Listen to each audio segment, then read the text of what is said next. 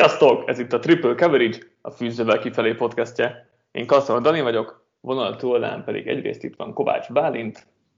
Sziasztok, köszöntelek titeket! Másrészt Pácsonyi Patrik. Hello, sziasztok! Folytatjuk a szezon felvezető podcast sorozatunkat. Az AFC North divíziója következik. Még ezen a héten egyébként az AFC South is, úgyhogy jövő hétre már csak, már csak az NFC South marad de most akkor AFC North, Ravens, Browns, Bengals, Steelers, ilyen sorrendben fogunk menni.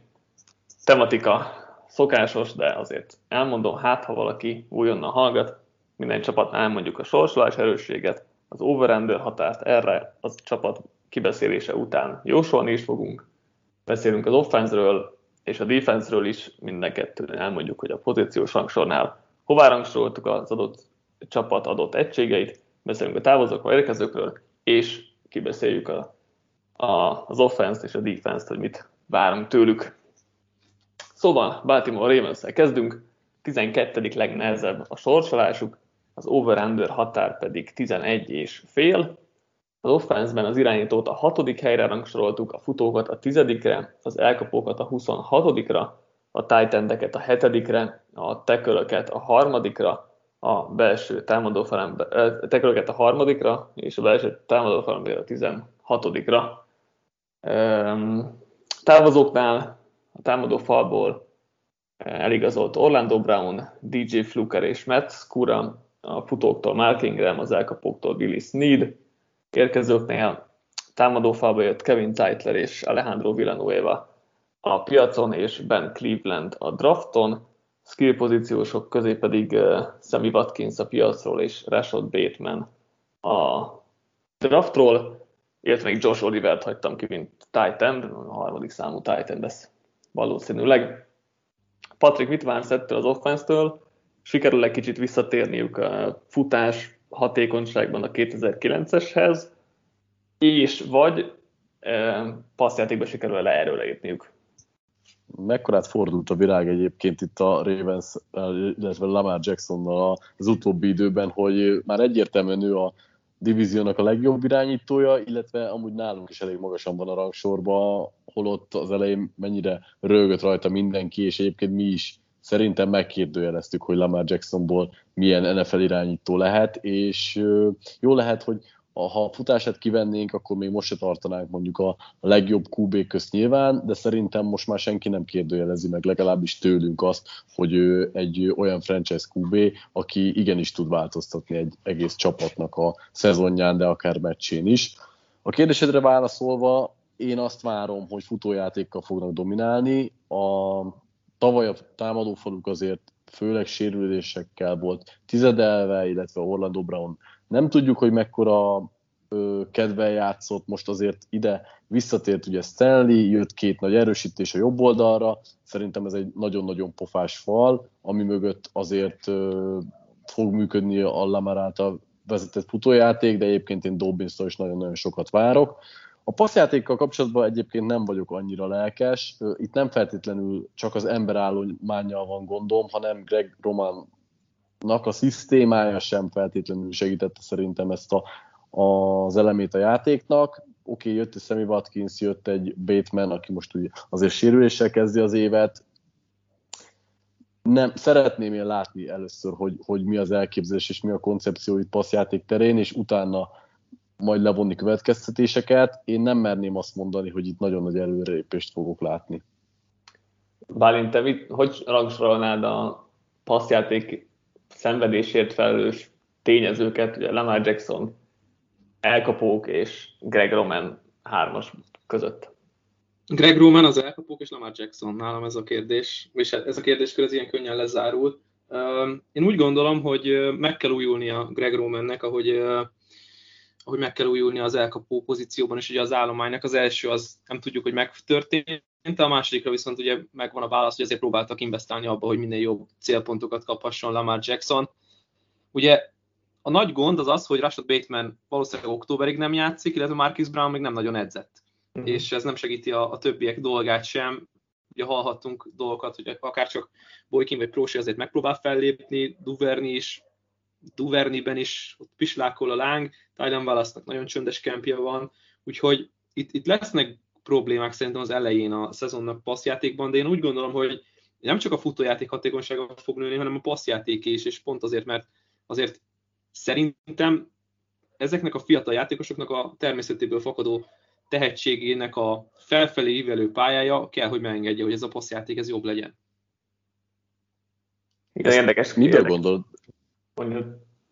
Bocsánat, csak gyorsan közbevágnék, hmm. miből gondolod bár most, ahogy te is kiemelted, hogy Valasznak nagyon csendes kempje van, Bateman ö, sérült, és nem tudjuk, hogy hogy fog visszatérni, Marcus Brown nagyon inkonzisztens volt, és jött egy Watkins, akit nem nevezhetünk fiatalnak, hát tudjuk, hogy ő is tud jól játszani, de azért egy egész szezonon keresztül tőle sem feltételezném, hogy ő nagyon sokat fejlesz egy csapat passzjátékán, és ahogy te is megnevezted, ez egyetértek, hogy Román szerintem itt a, a fő kolomposa a passzjáték nem működésének, ilyen nagyon szép magyarosan kimondva. Szóval mire alapozod mégis azt, hogy, hogy így magukban fiatalok így vagy úgy tudnak lendíteni ezen?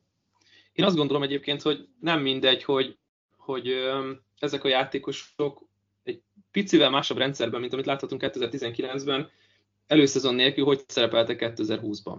És most ugye ezt megkaphatjuk, hogy akkor van előszezon, van mm, preseason meccsek vannak, rendes training camp van, és ezt meg fogják tudni oldani ezek a fiatal játékosok, hogy be tudják a kis helyüket, vagy meg tudják a kis helyüket találni ebben a rendszerben, és az sem mindegy, hogy Jacksonnak milyen um, repjei voltak az elmúlt hetekben, vagy akár mondjuk azt, hogy hónapokban, úgyhogy nem látom azt, hogy miért ne fejlődne, és persze nem a legnagyobb világverő alakulat van itt elkapó poszton, de csak ki fogja őket segíteni Mark Andrews, csak ki fogja őket segíteni a futójáték.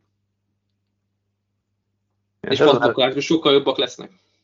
Én szezon elejére nagyon, nagyon szkeptikus vagyok ezzel, hogy, hogy tényleg ugye, ahogy Patrick mondta, Bateman sérült, Marcus Brown sem edz, Watkins egyedül azért nem tud sok minden, nem hasznos sok mindenre, akkor egyébként tök jó, hogyha elvonják mások a figyelmet, és mondjuk egy az egybe kell lennie, azért ezt láttuk a Chiefsnél, hogy akkor tud hasznos lenni. Szerintem itt a, az említett Greg Romer, Lamar Jackson elkapók háromszögből kettőnek fel kell lépnie ahhoz a szezon során, hogy, hogy, működjön, hogy igazán jól működjön ez a passzjáték, és hát az elkapók miatt az év elején mindenképp szkeptikus vagyok, Greg Romannel meg hogy összességében is, mert nem láttuk tőle annyira, hogy, hogy eddig sem, és, és így nehéz. Nehéz azt mondani, hogy majd most előrelép passzjátékok felrajzolásában, úgyhogy, úgyhogy nekem is ez a legnagyobb kérdőjelem talán, de, de én most így az elkapók sérülése miatt még inkább aggódok itt a, a, a passzjáték miatt. A futójáték az, az egy érdekes kérdés, hogy vissza tud-e térni a 19-eshez, mert azért tavaly Tavaly um, futás sikerességben és, és egyébként passz sikerességben is gyengébb volt az offense, mint két évvel ezelőtt. Nem mentek mondjuk heavy formation sem a futások, tehát például két titan tettekből Hayden Hurst ilyen szempontból tökre hiányzott, és kérdés, hogy mondjuk Josh Oliver tudja pótolni az ő hiányát, vagy mondjuk két fullback-es felállásokkal fognak operálni, ami érdekes lehet, és hogyha mondjuk Roman ebben meg tud újulni, hogy akkor még egy új csavart visz a futójátékban, az is egy nagy pozitívum lehet, mert, mert lehet itt most fejlődni, mert tavaly, tavaly azért egész jól elvették Lamar Jackson futásait, és inkább csak a futók, vagy inkább a futók tudtak um, jól teljesíteni, szóval ha erre ki tud találni Román valamit, az megint csavarat egy kicsit a dolgokon, de ez egy jó kérdés. Szerintem, szerintem összességében egy magas padlója van ennek a, a, az offense de azt nem gondolom, hogy, hogy a, a, a plafonja is magasan lenne, vagy mondjuk reálisan elérhető lenne egy ilyen magas plafon. Erről, erről mondjuk mit gondoltok? Én, én arra számítok, és egyébként jó fogalmaztad meg, hogy van egy magas padlója ennek a csapatnak, mert abban biztos vagyok, hogy a futójáték működni fog, és ez egy nagyon hatékonyan futó csapat lesz most az igazából majdnem, hogy mindegy, hogy Lamar Jackson direkt futásaival, vagy pedig csak egyszerűen egy-egy megrimodással, azon kívül pedig mennek a, a sima running back futások. de én, én nem látom azt, hogy, hogy a passzjáték nagyon nagyot fog fejlődni. Egy pici fejlődés ebben benne van, de szerintem az annyira marginális lesz, hogy lehet, hogy észre sem fogjuk venni, és ezért én nem látom, hogy az offense ki fogja tudni hozni magából azt a maximumot, ami kellene egy, egy rohamos fejlődéshez, és mondjuk ahhoz, hogy itt egy Super Bowl-t játszon ez a csapat. Nyilván most nagyon előre szaladtam, de alapvetően én is így gondolom, hogy, hogy ez egy olyan érdekes egyébként ebben a ligában ez a Ravens, mert szerintem egy nagyon-nagyon különlegesen és hatékonyan futó gárda lesz ebben a, az évben, és a passzjáték az valahogy nem azt mondom, hogy rossz lesz, vagy hogy, hogy, hogy kifejezetten hátráltatni fogja a csapatot, de szerintem nem sokat lendít elő, előre az offenznek a, a teljesítményén, és egy ilyen nagyon hatékony futás nélkül igazából hambába holt lenne a kísérlet. Szóval nálam ezért fura, fura csapat ez a Ravens. Én picit ellenetek, vagy nem veletek vagyok ebben a gondolatmenetben, talán picit túl optimista vagyok azzal kapcsolatban, hogy mit láttunk tavaly, és ennek milyen szinten kell megváltoznia, mert nyilván itt a változás fogja, mármint hogy a Greg Roman rendszerében bekövetkezett változás, vagy egy némi nemű, hogy mondjam, kreativitás, amit tavaly azért nem, nem igazán láttunk, de én nem vagyok ennyire pessimista. Nem felt, tét, mm, most, most... Ez pessimizmus? Tehát igen, ezt, ezt, ezt, ezen akartam, és hogy, hogy, hogy, most ez mihez képest, mert ahhoz képest... Ja, lehet, hogy akkor, vagyok, lehet, hogy, hogy akkor realizmus. Offense, vagy nem is tudom. Ahhoz képest lehet pessimista vagyok, meg, meg Patrik is, de mondjuk tehát igen, ez valamennyire elvárásokhoz mért optimizmus, optimizmus per pessimizmus talán. Egyébként arról mit gondoltak, hogy Lamar Jackson mennyire lesz különlegesen használva, vagy nem tudom jobban megfogalmazni a kérdést, tehát hogy mennyi sok speciális futást láthatunk a csapattól, direkt futást Lamártól, leszámítva tényleg a meneküléseket, illetve mennyire próbálják nyomatni inkább, egy kicsit hagyományosabb passzoló QB legyen, és itt most nem azt értve, hogy teljesen berögzítik a fal mögé, de hogy, hogy kicsit az élét az ő játékának el, elveszik. Mennyire hiba, hiba, lenne, hiba lenne az utóbbi, szerintem hiba lenne az utóbbi. Egyértelmű, csak hogy szerintetek melyik irányba indulnak el? Szerintem nem is indulnak el ebbe az irányba egyébként. Szerintem ez lehet, ez, hát ez talán akkor tudom jobban elképzelni, hogyha lesz egy komolyabb sérülése esetleg. Addig szerintem el. ezt nyomni fogják.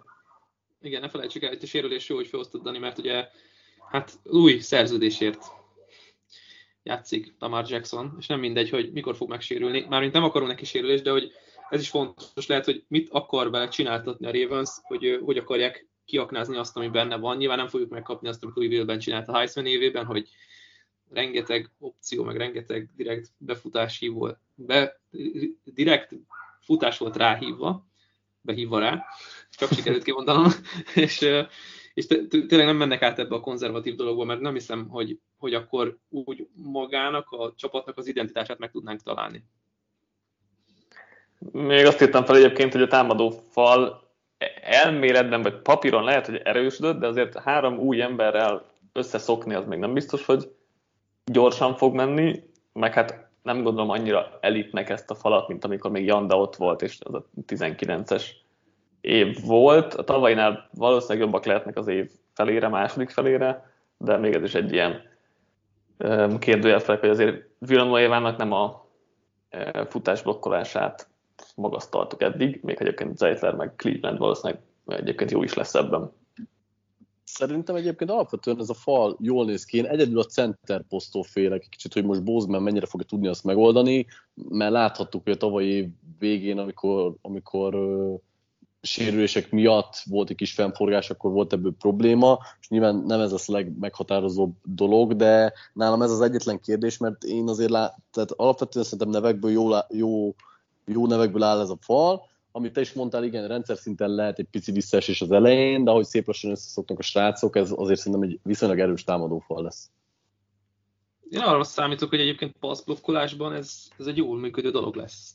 Jó kérdés, hogy most azért itt is bőven vannak új arcok, nem csak 2019 de 2020-hoz képest is, de óriási nagy adalék szerintem Stanley hiába nagy sérülésből jön, de azért, hát ha megnézzük azt a Ravens támadófalat, amelyik a top 13. héttől az utolsó playoff meccsükig játszott, azért az annál nem nehéz jobbat összehozni. Ugorjuk akkor a védelemre.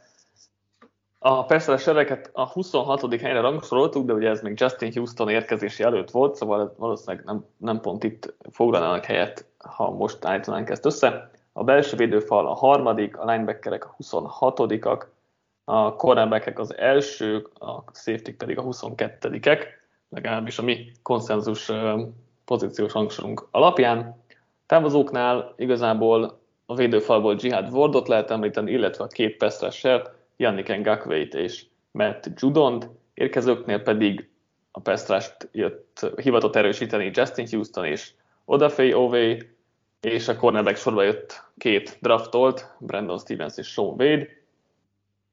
Itt nem volt sok változás a védőoldalon, hogy a Pestraserek cserélődtek ki mm, összességében, vagy ott van inkább fennforgás máshol, nem igazán, és ugye személyi változás sincs az edzői poszton, úgyhogy bármit, mennyi változást vársz ettől a védelemtől, mert gondolom én, hogy nagyjából hasonlók lesznek, mint tavaly.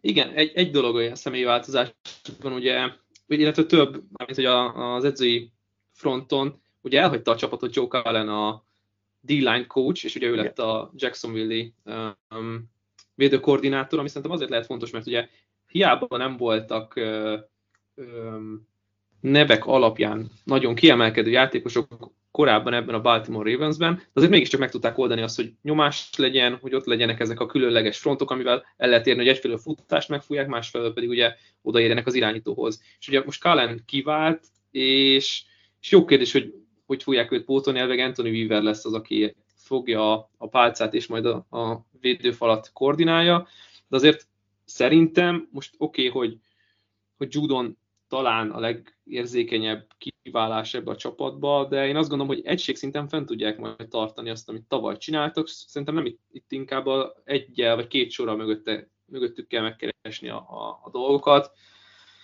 Patrick Quinn föl tud elépni, hogy mennyit számít LJ Fortnak a kiesése, Malik Harrison lesz a második linebacker, tényleg hogy fog beszállni OV, ugye ott van még Dalen Hayes, megírja a keretet, és szerintem egy nagyon jó rotáció lesz ott a front sevenben. És um, ahogy te is mondtad, Dani, én nem látom azt, hogy ez az egység visszaesne. Nyilván egy ilyen stagnálást képzelünk el most, mert hát olyan durva erősítést nem kaptak, de, de én nem hiszem, hogy, hogy ez a, az egység lenne a legproblémásabb, sokkal inkább akkor ott keresgéljünk ott Queenék környékén, vagy éppen a safety-knél. Igen, ugye három éve top 10-es folyamatosan ez a védelem a Football Outsiders eh, DVOA mutatója alapján, úgyhogy ez is sok mindent elmond Vink Délnek a koordinálásáról. Patrik, mit, mit a kérdőjeled igazából ebben a védelemben? Nagyon jókat nem tudok kérdezni igazából. igazából nagyon sok jót el is mondhatok, tehát én két dologra akartam fölhívni a figyelmet, hogy szerintem ennek a, a, a védelemnek mindig is a rendszerben volt, vagy hát régóta a rendszerben van az erőssége, ez az egyik. A másik pedig az, hogy sokszor fontos pillanatokban jött a nagy play, és ugye van egy Marcus peters akitől ezt idén is várhatjuk. Én nem tartottam Judont egyébként egy akkora nagy sztárnak, de nagyon sokszor jókor villant meg, és jött egy-egy fontos szek, ami most nem tudom mennyire hiányzott mint ennek a védelemnek, nyilván most is vannak olyan játékosok, akik tudják ezt helyettesíteni, illetve hát azért a, a secondary az elég jól néz ki véleményem szerint, úgyhogy tudják szűket, szűkíteni a pályát, amit meg Bálint mondott, hogy nagyon-nagyon sok fog múlni azon, hogy Patrick Quinn mennyit tud fejlődni, mert itt itt tud ez a védelem szintet lépni, hogy ha linebacker sort egy kicsit stabilizálni tudják, azt láthattuk tavaly, hogy azért nagyon sokat támadták őket ezen a ponton, és nagyon eredményesen is tették ezt. Úgyhogy alapvetően nem féltem egyáltalán ezt a védelmet, rendszer szinten továbbra is nagyon-nagyon jók lesznek. Egy-két ö, playmaker lehet, hogy egy-két playmakernek föl kellene lépnie ö, Peters mellé, hogy igazán kiválóak legyenek, de ez azt jelenti, hogy a, top 10, a stabil top 10-ből mondjuk top 3-ba is lendülhessenek. Nem hiszem, hogy a, a defense egyébként olyan nagyon sok minden mehetne el.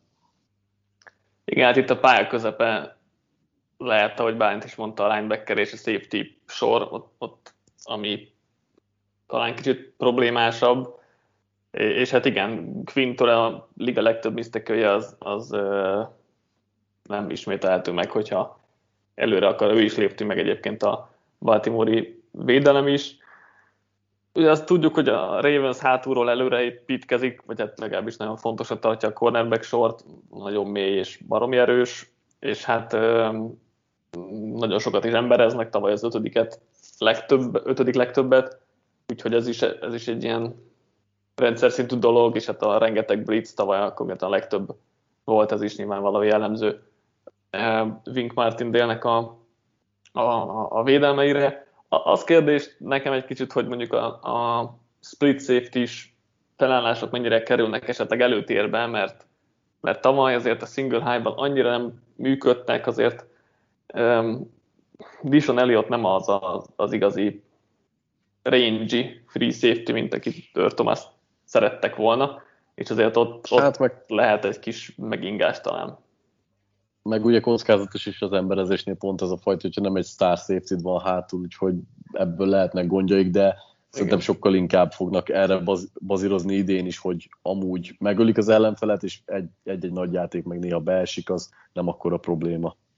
Igen, lehet, és hát azért rendszer szinten annyira bonyolult feltörni ezt a védelmet az ellenfél irányítóinak, meg, meg egyébként kiismerni, mert, mert tényleg nagyon jól rejtik el a, a szándékaikat, és nagyon kreatív játékhívások vannak Martin Déltől, úgyhogy e, ez nagyon sokat, vagy ez még segíti azt a pár hibát is, vagy pár gyenge pontot is elfedni, amit akár találhatnánk.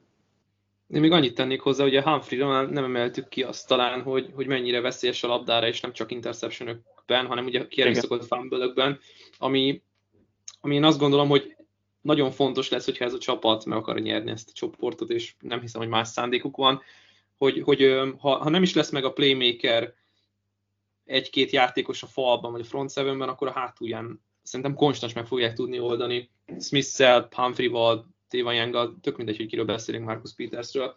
Szerintem a második sorban is olyan játékosok vannak, akik több módon is veszélyesek a labdára. Menjünk akkor a jóslás részére a felvezetőnknek. Tavaly 2-4-es mérleget értek el egy labdabirtoklással eldőlő meccseken, tehát ilyen szempontból még szerencsétlenek neki számítottak, ellenben azért fumble luckban elsők voltak, másodikak voltak field goal luckban, úgyhogy e- ezekből a szempontokból meg jól jöttek ki a tavalyi dolgokból. A special team ugye top 10-es már 9 éve folyton, úgyhogy mondhatnánk, hogy ez lehet, hogy visszaesik, de az, hogy már 9 éve úgy így vannak, és hárból az edző, ez nyilván maradni fog, amit még fontos náluk ilyen átfogó szinten szerintem elmondani, hogy nagyon jó negyedik kísérletes döntéseket hoznak, és ezek is támogatják a, a győzelmek megszerzését. Patrik, mit mondasz erre a 11 és feles over-under határa? Nálam ez over, szerintem évek óta a legstabilabb csapat, az egyik legstabilabb csapat a ligában a Ravens, lehet, hogy nem tudtak igazán kitűnni egy Super Bowl részvétellel, de alapszakaszban ők továbbra is mondjuk úgy uralni fogják a ligát, úgyhogy nálam over. Bálint? Nálam is over, én azt gondolom, hogy egy 17 meccses alapszakaszban, hogyha nem nyernek 12-t, akkor ez a csapat valahol elromlott. És kiindulva abból, hogy miket láttunk tőlük korábbi szezonokban, illetve hogy azért csak várunk még egy kicsi fejlődést ettől a csapattól, akár Jacksontól, akár a többiektől, én nem hiszem, hogy ez a 12 meccs ez elérhetetlen. Igen, szerintem is over, ez nyilván segít a 17 meccses alapszakasz, hogy akkor egy ugye, több lehetőség van győzelmet szerezni, nyilván vereséget is, de, de a jobb csapatoknál talán inkább a győzelmet lehet ilyen szempontból nézni. Sok ez a 11 és fél egyébként, tehát a második legmagasabb talán, vagy a harmadik, hogy a Chiefs meg a, a Buccaneers mögött azt hiszem, úgyhogy magasra teszik a, a lécet, de hát nyilván ez nem véletlen, szerintem nagyon magasan van a padlója ennek a csapatnak, azért Harbóval, Wink Martindale, Jacksonnal a kerettel, tehát azért itt, itt, itt a playoff az elég tutira lehető, úgyhogy az, hogy a csoport meg lesz az már, egy, az már egy érdekes kérdés, és így lehet jól átvezetni a Cleveland Brownshoz a történetet. A Clevelandiek sorsolása a második legkönnyebb, ráadásul pihenés szempontból is előnyös. Az over határok 10 és fél. Az offense-ben az irányítót a 15. helyre tettük, a futókat az elsőre, az elkapókat a 10 a tight a 11-re, a tackle az ötödikre, a belső támadó falembereket pedig az elsőre.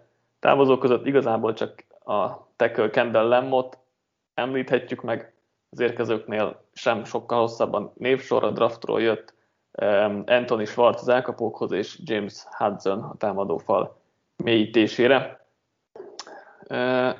Ez a legdrágább offense az egész ligában, pedig ugye újonc irányítós, vagy újonc szerződéses irányító van.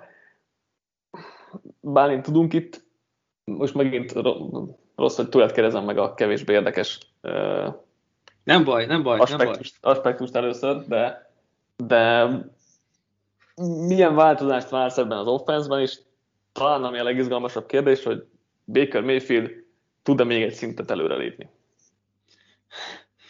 Nem, szerintem ez egy tök izgalmas kérdés, mert hogyha azt teszed fel, hogy tud-e Baker Mayfield még szintet lépni, akkor én azt mondom, hogy kell tudnia, mert különben akkor halálra van ítélve ez a csapat ebben az AFC-ben, hiszen ha kivesszük az összes csapatból az irányítókat, akkor nehezen tudnánk kampányolni az ellen, hogy ez a csapat miért nem top 5-ös. Le- levéve ugye az irányítót, nem tudom, egyetértetek-e? Igen, én még irányítom együtt is akár. Na igen, itt, itt jön be a kérdés, hogy ez, ez messze jelenleg Baker mayfield menni, mint egy Super Bowl aspiráns csapat. Én egyébként csak abba kötték bele Bálint, hogy szerintem, hogyha Baker Mayfield nem lép szintet, akkor sincs halálra ítélve ez a csapat. Tehát ha tartja azt a szintet, amit Hát mert ha tartja azt a szintet, amit tavaly év végén tudott, akkor az egy elég stabil ö, csapatot mutat. Konkrétan a liga a legjobb támadó fala van szerintem itt, ha mi mélységet és mennyiséget is ö, figyelembe veszünk. A liga legjobb futódúója, és egy nagyon-nagyon erős elkapó sor, ami egy közepes, vagy néha közepesnél jobb mayfield bőven elég kell, hogy, hogy legyen, hogyha a defense sem mond csődöt. Most nyilván azt nem várhatjuk el, hogy a, a liga legjobb QB-ja legyen itt mögöttük, mert akkor, ne, ne, ne, ne. tényleg nem lehet. Akkor, akkor úgy teszem, jó, én szerintem ezzel egyébként meg is válaszolt a kérdést, hogy ne, nem mennek többre, mint egy nem is tudom, mint egy tavalyi, nem. Hát e- egyel tovább lépnek, mint ugye tavalyi érsz döntőt játszanak, de nem nyerik meg, mert vannak tehetségesebb irányítók a, a, azon a fronton. Akkor másik kérdés bennem az, hogy vajon, hogyha ugye van ez a, a listánk, hogy irányító pozíciót figyelembe veszem, 15-ek voltak. De mi van akkor, hogyha kiveszünk a cseréket, és csak az, a kezdőket nézzük, akkor Mayfield top 10-ese? Micsoda? Ez nehéz. Nem, tehát de... a, a, azt, beszél, azt beszéljük meg, hogy melyik mélyfület nézzük, aki a tavaly az év közepéig játszott, vagy aki az év közepétől játszott, mert szerintem már ott megfigyelhető egy szintlépés a kettő között. Aki év elején volt, Igen. az néha-néha még azt mondom, hogy vissza is húzta a csapatot. Viszont aki az, az év közepétől játszott, az már lehet, hogy nem volt egy X-faktoros tényező, mint egy Mahomes, viszont semmiképp nem fogta vissza a csapatot, sőt, egész korrektan elmenedzselte. Tehát ha, melyik mélyfélet akarjuk nézni? Ha, csak egy gyors statisztika ehhez, mielőtt mi ezt válaszolunk, vagy nem értékelés. PFF-nél a hetedik hét után a második legjobb irányító volt, ma, hogyha a szezon második felét nézzük, akkor meg a hatodik legjobb, tehát, tehát nagyon jól játszott a szezon. Második Akkor felét, nézzük amit szerintem, amit szerintem kevesen ismernek el nála, vagy kevesen figyeltek fel arra, hogy mennyire jól játszott a második, a szezon második felében. És akkor még nem vettük be a, az egyenletbe, bocs Patrik, hogy neki és um, Odell Beckham Jr.-nak egyszerre még nem volt jó szezonja. Hát igen, és ott kérdés egyébként, hogy, hogy amikor ennyire jó játszott Mayfield, akkor nem volt ott Odell Beckham, és így van, így van. Erről, erről is lehet vitázni egyébként egy jót, tehát végül is vannak érdekes kérdések ebben a az egységben is. Igen, én, én egyébként azt gondolom, hogy, hogy Baker Mayfield fentebb fog lépni. Én nagyon izgatott vagyok a 2021-es Cleveland browns kapcsolatban, sőt nekem nagyon vad elképzeléseim vannak belül kapcsolatban. Mondván Stefanski úgy lett az évedzője, és úgy alapított egy nagyon jó és győztes kultúrát, hogy egyfelől nem volt rá ideje, hogy ezt megcsinálja, másfelől ami nagyon fontos, és nem csak a játékosokat tekintve, hanem a kiválasztott edzőket tekintve, és nagyon jól válogatta ki azokat a korábban talán radarok alatt repülő pozíciós stratégiákat, akiket mind meg tudott tartani ebben a csapatban. És ez is nagyon fontos, hogy nem csak a keret játékosokat tekintve a keret erőssége maradt meg, hanem megmaradt a, az edzői stáb erőssége is ugyanabban a, a valójában, mint ami 2020-ban volt, és emellett úgy tudtak, most csak az offenszre gondolva, úgy tudtak erősíteni akár, akár egy Hudsonnal, akár egy Schwartzal, hogy gyakorlatilag luxus választásokat csináltak az offenszben is. Nyilván itt a védelemről is beszélgethetünk, de még nem tartunk ott. Itt csak egy kérdésem van tényleg Bálint, most nem akarok ennyire először de hogyha nagyon vad várakozásaid vannak, akkor az azt jelenti, hogy Super Bowl, mert szerintem semmi más nem vad kijelentés itt a Browns kapcsán, ugyanis igazából tehetség, meg a tavalyi után egy, egy szinten már egyértelműen az, az az elvárás, hogy EFC döntő. Ez az egyik, a másik pedig az, hogy, hogy nem tudom, hogy én látok be a, bele a tavalyi második feles Mayfieldnél még egy szintlépést ebbe a, a srácba. Hát mondjuk annál, hogy a második legjobb irányító volt a PFF értékelése szerint a hetedik hét után, talán annál másokkal előrébb nem kell lépnie. Jó, de, de mondjuk ilyen wow dolgokat azért nem feltétlenül láttunk tőle, tehát legalábbis tehát stabil volt nagyon, leszorította a hibáit, és, és sok ö, viszonylag jó játéka volt, de ilyen igazi wow dolgokat azért nem láttunk tőle, és, és szerintem az első szezonjának a, a vibe-ja után néha ezt is vártuk. Nem tudom, hogy, hogy, hogy ez, ez benne van-e ténylegesen a játékában, és egyébként nem is biztos, hogy szükség van erre. És mit gondoltok erről az Odell Beckham kérdéskörről, hogy, hogy miért nem ment vele úgy a játék, mint nélküle, hogy esetleg túl sokat nézett felé Mayfield, és kifejezetten akarta őt tömni labdával, vagy ez csak egy furrandom dolog, és jövőre minden működni fog? Nehéz belelátni abba, hogy most itt voltak-e mondjuk a játékosok és a stratégák közötti nézeteltérések, vagy hogy mi okozta ezt az egészet, de én nem, nem tudom elképzelni, hogy, hogy, hogy egy Odell Beckham Jr. miért ne lehetne hozzáadott érték egy csapathoz, tehetségét tekintve. Lehet, hogy a hozzáállása nem mindig a legjobb, de hogyha valahogy meg lehet vele értetni, és lehet, hogy érti, csak nem biztos, hogy meg tudja mindig oldani, hogy vele együtt lehetnek. Szerintem, szerintem ő, ő nagyon fontos eleme annak, hogy ez a csapat legyen azon a polcon, amin a Chiefs. Igen, de szerintem Mayfieldnek is fontos úgy hozzáállnia, hogy nem feltétlenül keresi, hanem ugyanúgy végigmegy a progressionökön. És ugye ez, ez, egyébként mondjuk Watsonnál is volt annó hiba, hogy nagyon Hopkins-t kereste, és egyébként mikor elment Hopkins, akkor szerintem fejben fejlődött Watson, még nyilván nem is volt egy jó organizációs csapatépítés döntés, de ez most tök mindegy, de hogy ez tud segíteni fejben egy irányítónak, hogy nincs ott egy, egy Megatron, egy stb. stb. Még ha tehát ez, ez szerintem segített Mayfieldnek a fejlődésben, az előrelépésben, és lehet, hogy jövőre ez tök sokat fog segíteni, hogy akkor most visszatér oda Beckham. Az is lehet, hogy megint erőltetni fog, és akkor megint nem lesz olyan jó, tehát ez megint egy ilyen érdekes dinamika lesz szerintem, amit figyelni kell majd a szezon első pár hetében.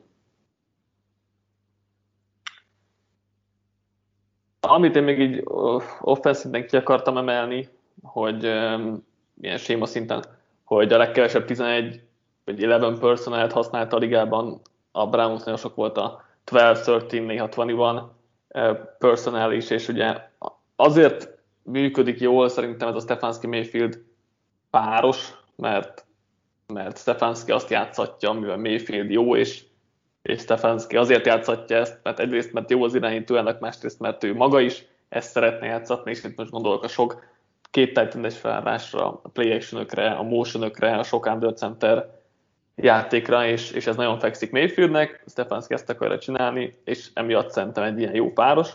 Meg nyilván azt sem állt, hogy a támadófal a liga talán legjobbja, mert hát azért tavaly elég gyenge volt Mayfield um, nyomás alatt. E, ez is nyilván sokat tesz hozzá az offense sikerességéhez, hogy keveset kell nyomás alatt játszania. Ha nincs tovább többi, több hozzáfűzni való, akkor megyünk a védelemre, ahol a pass a második helyre rangsoroltuk, a belső védőfőembereket a 17-re, linebackereket a 21-re, cornerbackeket a 6-ra, a safety-ket a 8-ra. Távozóknál a védőfalból Olivier Verdont, Sheldon Richardson és Larry Ogunjobit kell kiemelni, és Adrian Claybont.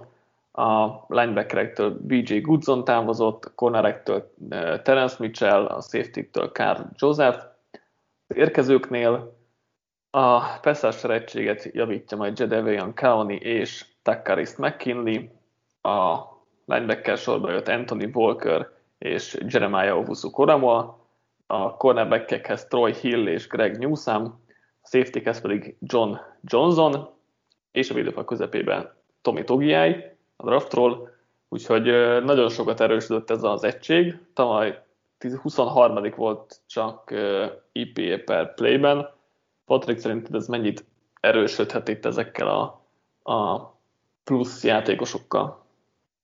Mm, nagyon kíváncsi leszek egyébként, hogy a passzvédekezés alapvetően mennyit fog fejlődni, mert nagyon jól hangzik, hogy jött egy Kláni, illetve egy McKinney, de, McKinney, de hát, hogy őszinték legyünk, azért egyik játékostól sem láttuk csúcs teljesítményt az utóbbi években. Én nem feltétlenül ö, várok olyan hű, nagy passzrás virágzást itt Gerett túloldalán, illetve nekem azért itt a cornerback sorra is vannak gondjaim, nagyon-nagyon inkonzisztens ez az egység. Láttunk tőlük nagyon jó pillanatokat, láttunk tőlük rosszabbakat. A, aki itt ö, szintet emelhet a játékon, és bízok is benne, hogy, hogy nagyon jó lesz az GOK a draftról, de hát egy, egy újoncba vetett hitet pedig soha nem szabad azért túlreagálni nagyon jól mutat egyelőre az előszezonban, illetve az edzések alkalmával, de majd meg kell nézni, hogy élesben is tudja ezt a szintet hozni, akkor el tudom hinni, hogy ez a Browns valahogy szintet lép majd a passzjátékok ellen.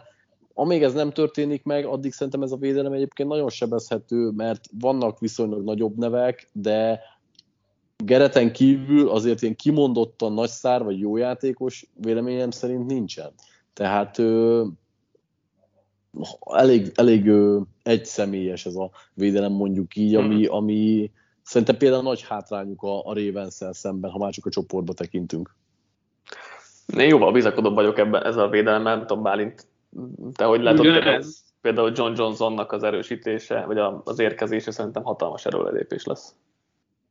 Ezzel én is tudok menni egyébként, és tehát egy jó csak... stabil safety meghozza az erősítést nekik? Azt hát most nem egyedül ő, most azt mondtam, hogy ő szerintem a, a játékban, a, a, abban, hogy egy nagyon jó játékos, meg fejben is nagyon sokat fog segíteni, gondolom ő is megkapja, vagy itt is megkapja majd a zöld pöttyöt a fejére, és ő fogja elmondani, vagy a sisakjára, és ő fogja mondani, a, vagy beívni a játékokat, ami szerintem nagyon sokat fog segíteni, meg szerintem egy top 5 körüli safety a, a ligában, amivel nagyon sokat fog javítani, és hát egyébként én Clownitól is nagy dolgokat várok a várok Gerett túloldalán, Troy Hill a slotot jól meg fogja talán oldani, bár oké, okay, ott van egy kis kérd, van egy pár kérdőjelem, de, de Greg Wardot sem felejthetjük el, akinek, akinek a hatására, vagy aki miatt uh, első számú elkapók ellen a negyedik legjobb volt a Browns védelme, úgyhogy az is egy beszédes mutató szerintem.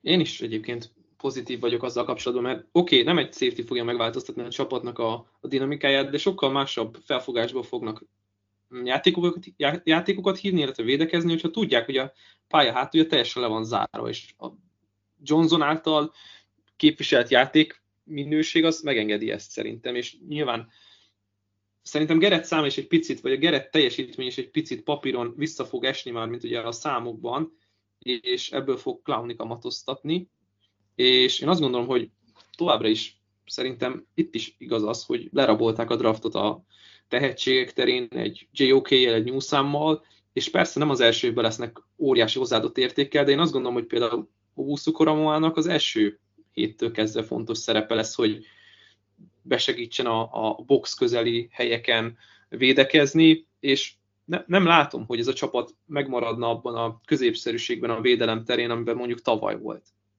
Ezt, ezt így nem, nem, nem tudom elképzelni, főleg úgy, hogy minden egyes játékos a fiatalok közül, még Denzel Ward is szintet fog lépni. Jó kérdés, hogy Elpitnek milyen helye lesz, uh-huh. hogy tudnak majd felállni mondjuk Dime-ban. Igen, egyébként... Tehát és nekem ez, ez egy jó kérdés, egy ilyen mhm. pozitív kérdés bennem. Igen, szerintem olyan tehetséginjekció volt itt a védelemben, ami nagyon sokat fog számítani.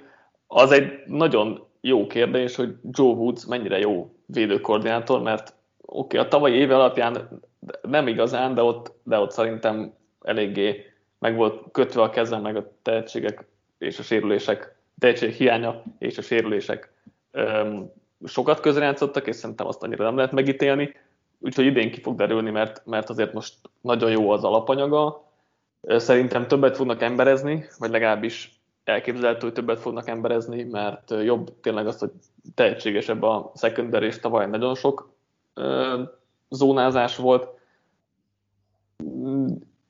Engem, tehát vannak itt nagyon érdekes kérdőjelek, például az, hogy JOK-t hogyan fogják tudni használni, hogy Grand Delpit visszatér, és mit látunk majd belőle, mert ha jól tudom, mindkettő nagyon szerettétek egyébként prospektként, de ugye tavaly nem nagyon tudott játszani, és rá is kíváncsi vagyok. Az is kérdés, hogy Ward túladán, Greedy Williams mire képes, ha neki nem megy, akkor Newsom be tud állni. Igen, igen, a másik meg, hogy Newsom be tud állni. Úgyhogy ezek tök érdekes kérdések. Szerintem a védelem, védőfal az baromi erős lesz. És, a védőfal közepén például kitől vártok bármit? Tehát van egy megbukott Malik Jackson, meg egy megbukott Andrew Willings, tehát én, én ott se látok olyan. Hát most Billings, Sok biztató ugye, dolgot. Billings opt volt, szerintem ő futás ellen ö, nagyon jó, Malik Jackson meg a Pestrest hivatott hozni, tehát szerintem ilyen szempontból egy jó egymást kiegészítő páros tudnak lenni. És Malik Jackson értem, hogy az egyik elrespetálódik, de, de hogy mikor képviseltek magas szintet utoljára? Hát Billings mondjuk két. Nem, az lényegtelen egyébként.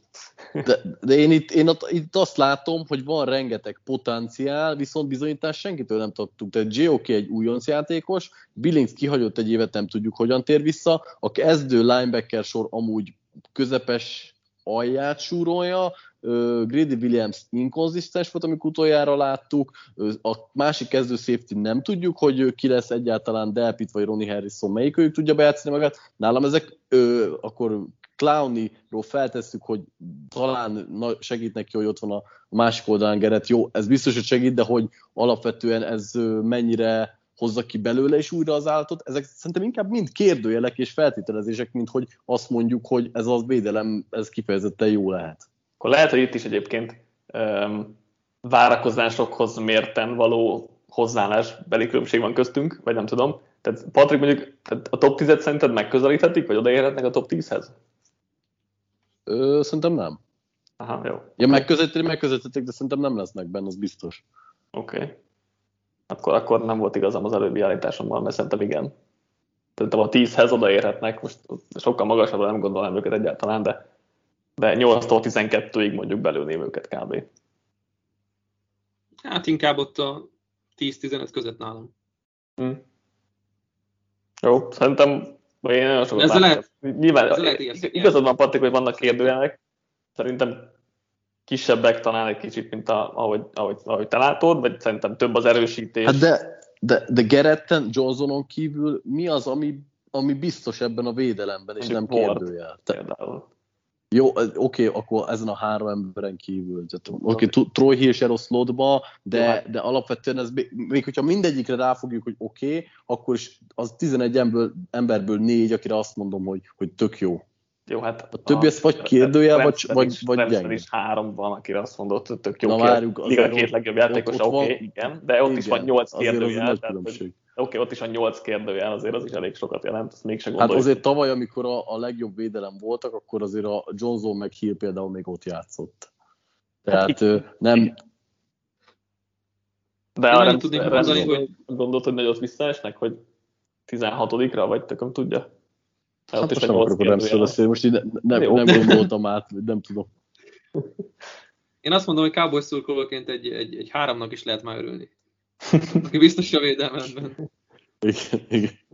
Há- három közepesen gyengének is már lehet örülni. Igen, igen, igen, igen. Jó, jó, hát ha így állunk hozzá, hogy persze, akkor... Minden viszonyítás lehet, hogy rossz, lehet, hogy rosszul közelítjük meg, tehát én, én azt mondom, hogy nem lesznek top 10-es egység, ami, ami, ami de kell, de hogy azok mondjuk őket, de az lehet, hogy mondjuk odaférnek a top 15-ben mondjuk ilyen 13.-14. legjobb védelem, persze ez benne van, de én inkább sok kérdőjelet és potenciálisan boom dolgot látok benne, ami azt jelentheti, hogy igen, ha mindegyik bejön, akkor, akkor ez egy bitang jó védelem lesz, de ennyi kérdőjel és potenciál, hogy bejöjjön, szerintem az nagyon-nagyon ritka.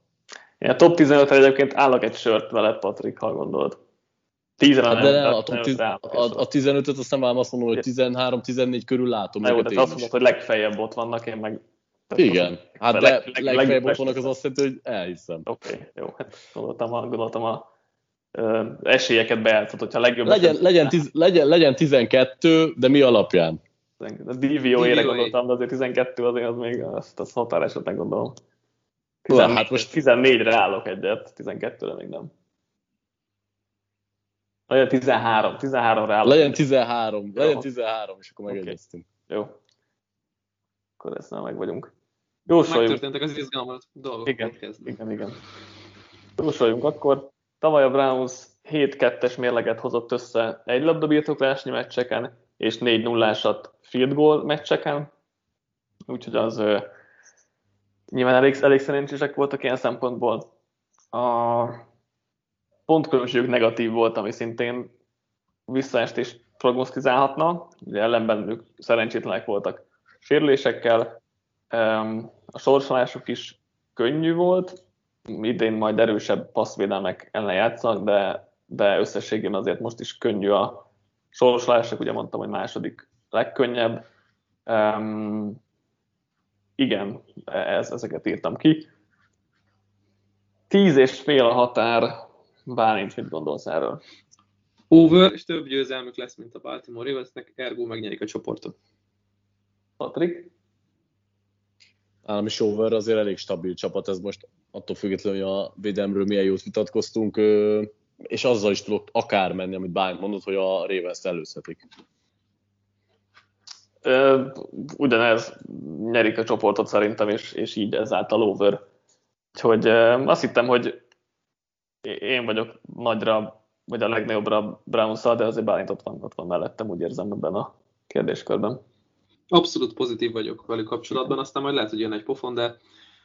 Le, ez most egy Bra- Browns, inkább a Browns jön a pofon. pozitív podcast, úgy, úgy tűnik, mert lehet, hogyha más lett volna itt most a az vagy szerkesztő társaság, akkor, akkor nem biztos, hogy ennyire magabiztos óvajat van mindenkitől, de most, most így jöttünk össze, úgyhogy majd lesz a, a szezon előtt lesz egy overenderös cikkünk, ahol mindenki jósol, és nem csak, nem csak hárman, mint az adott podcastban, úgyhogy majd ott valószínűleg úgy látom, bőven lesznek underök. Konkrétan egyelőre mi vagyunk a három over, aki ezt, be, ezt bemerte vállalni, és mindenki más under, úgyhogy meglátjuk addigra, még, addig még ki fog változtatni, de ez mondjuk így egy érdekes kontrasztot hozott. Cincinnati Bengalsra ugrunk, nyolcadik legnehezebb a sorsolásuk, pihenés szempontjából viszont kedvező, mert a második legjobb, az over határuk 6 és fél, erre majd visszatérünk. Az irányítókat a 12. helyre rangsoroltuk, a futókat a 12-re, az elkapókat a 11-re, a titan a 25-re, tekölöket a 27-re, a belső támadó falembereket pedig a 30-ra. Távozók között az elkapósorból eligazolt AJ Green és John Ross, támadó falból BJ Finney és Bobby Hart, futóktól Gio Bernard. Érkezők között a falba jött Riley Reef a piacról és Jackson Carmen a draftról, és Jamar Chase jött az elkapókhoz még. Patrik itt a nem túl pozitív edzőtábor hírek kapcsán hogyan állsz ez a Bengals offensehez? Annyira szerettem volna egyszerűen hype beszélni róluk, és pozitívan, de annyira lehorgasztottak itt az utóbbi napok hírei, főleg amiket Chase kapcsán kaptunk, hogy most már nem vagyok lelkes egyáltalán a csapat iránt. A legnagyobb problémát egyébként továbbra is Zach Taylorban látom, nem tudom milyen motivátor de stratégaként és így főedzőként sehogyan sem lá- tartom egy ilyen kimondottan karizmatikus embernek, és ö, az a baj, hogy egyelőre a tehetség sem jön ki a srácokból, ami részben ugye Taylornak a hibája, és részben pedig hát nyilván volt az egy-két kockázatos választás. A támadófallal szemben is nagyon sok kérdés van.